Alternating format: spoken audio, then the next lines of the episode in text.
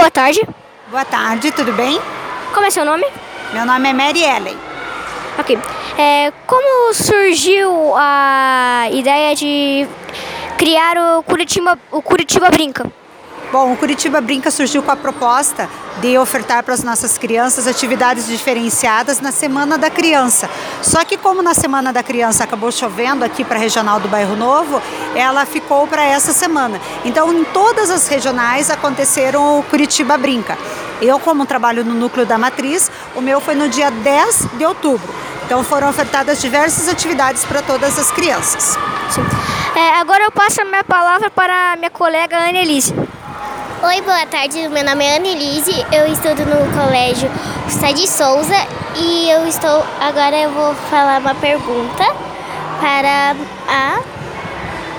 Marielle. Você. Hã? Você gosta da sua profissão? Eu adoro a minha profissão.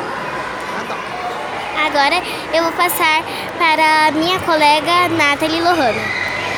Olá, boa tarde. Meu nome é Nathalie, tenho 9 anos de idade, moro na cidade de Curitiba, no bairro Cid Cercado.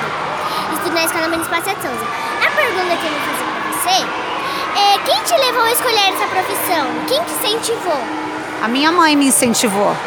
Eu, quando eu terminei a oitava série, que na época era a oitava série e hoje em dia é o nono ano, a minha mãe me incentivou a fazer o magistério.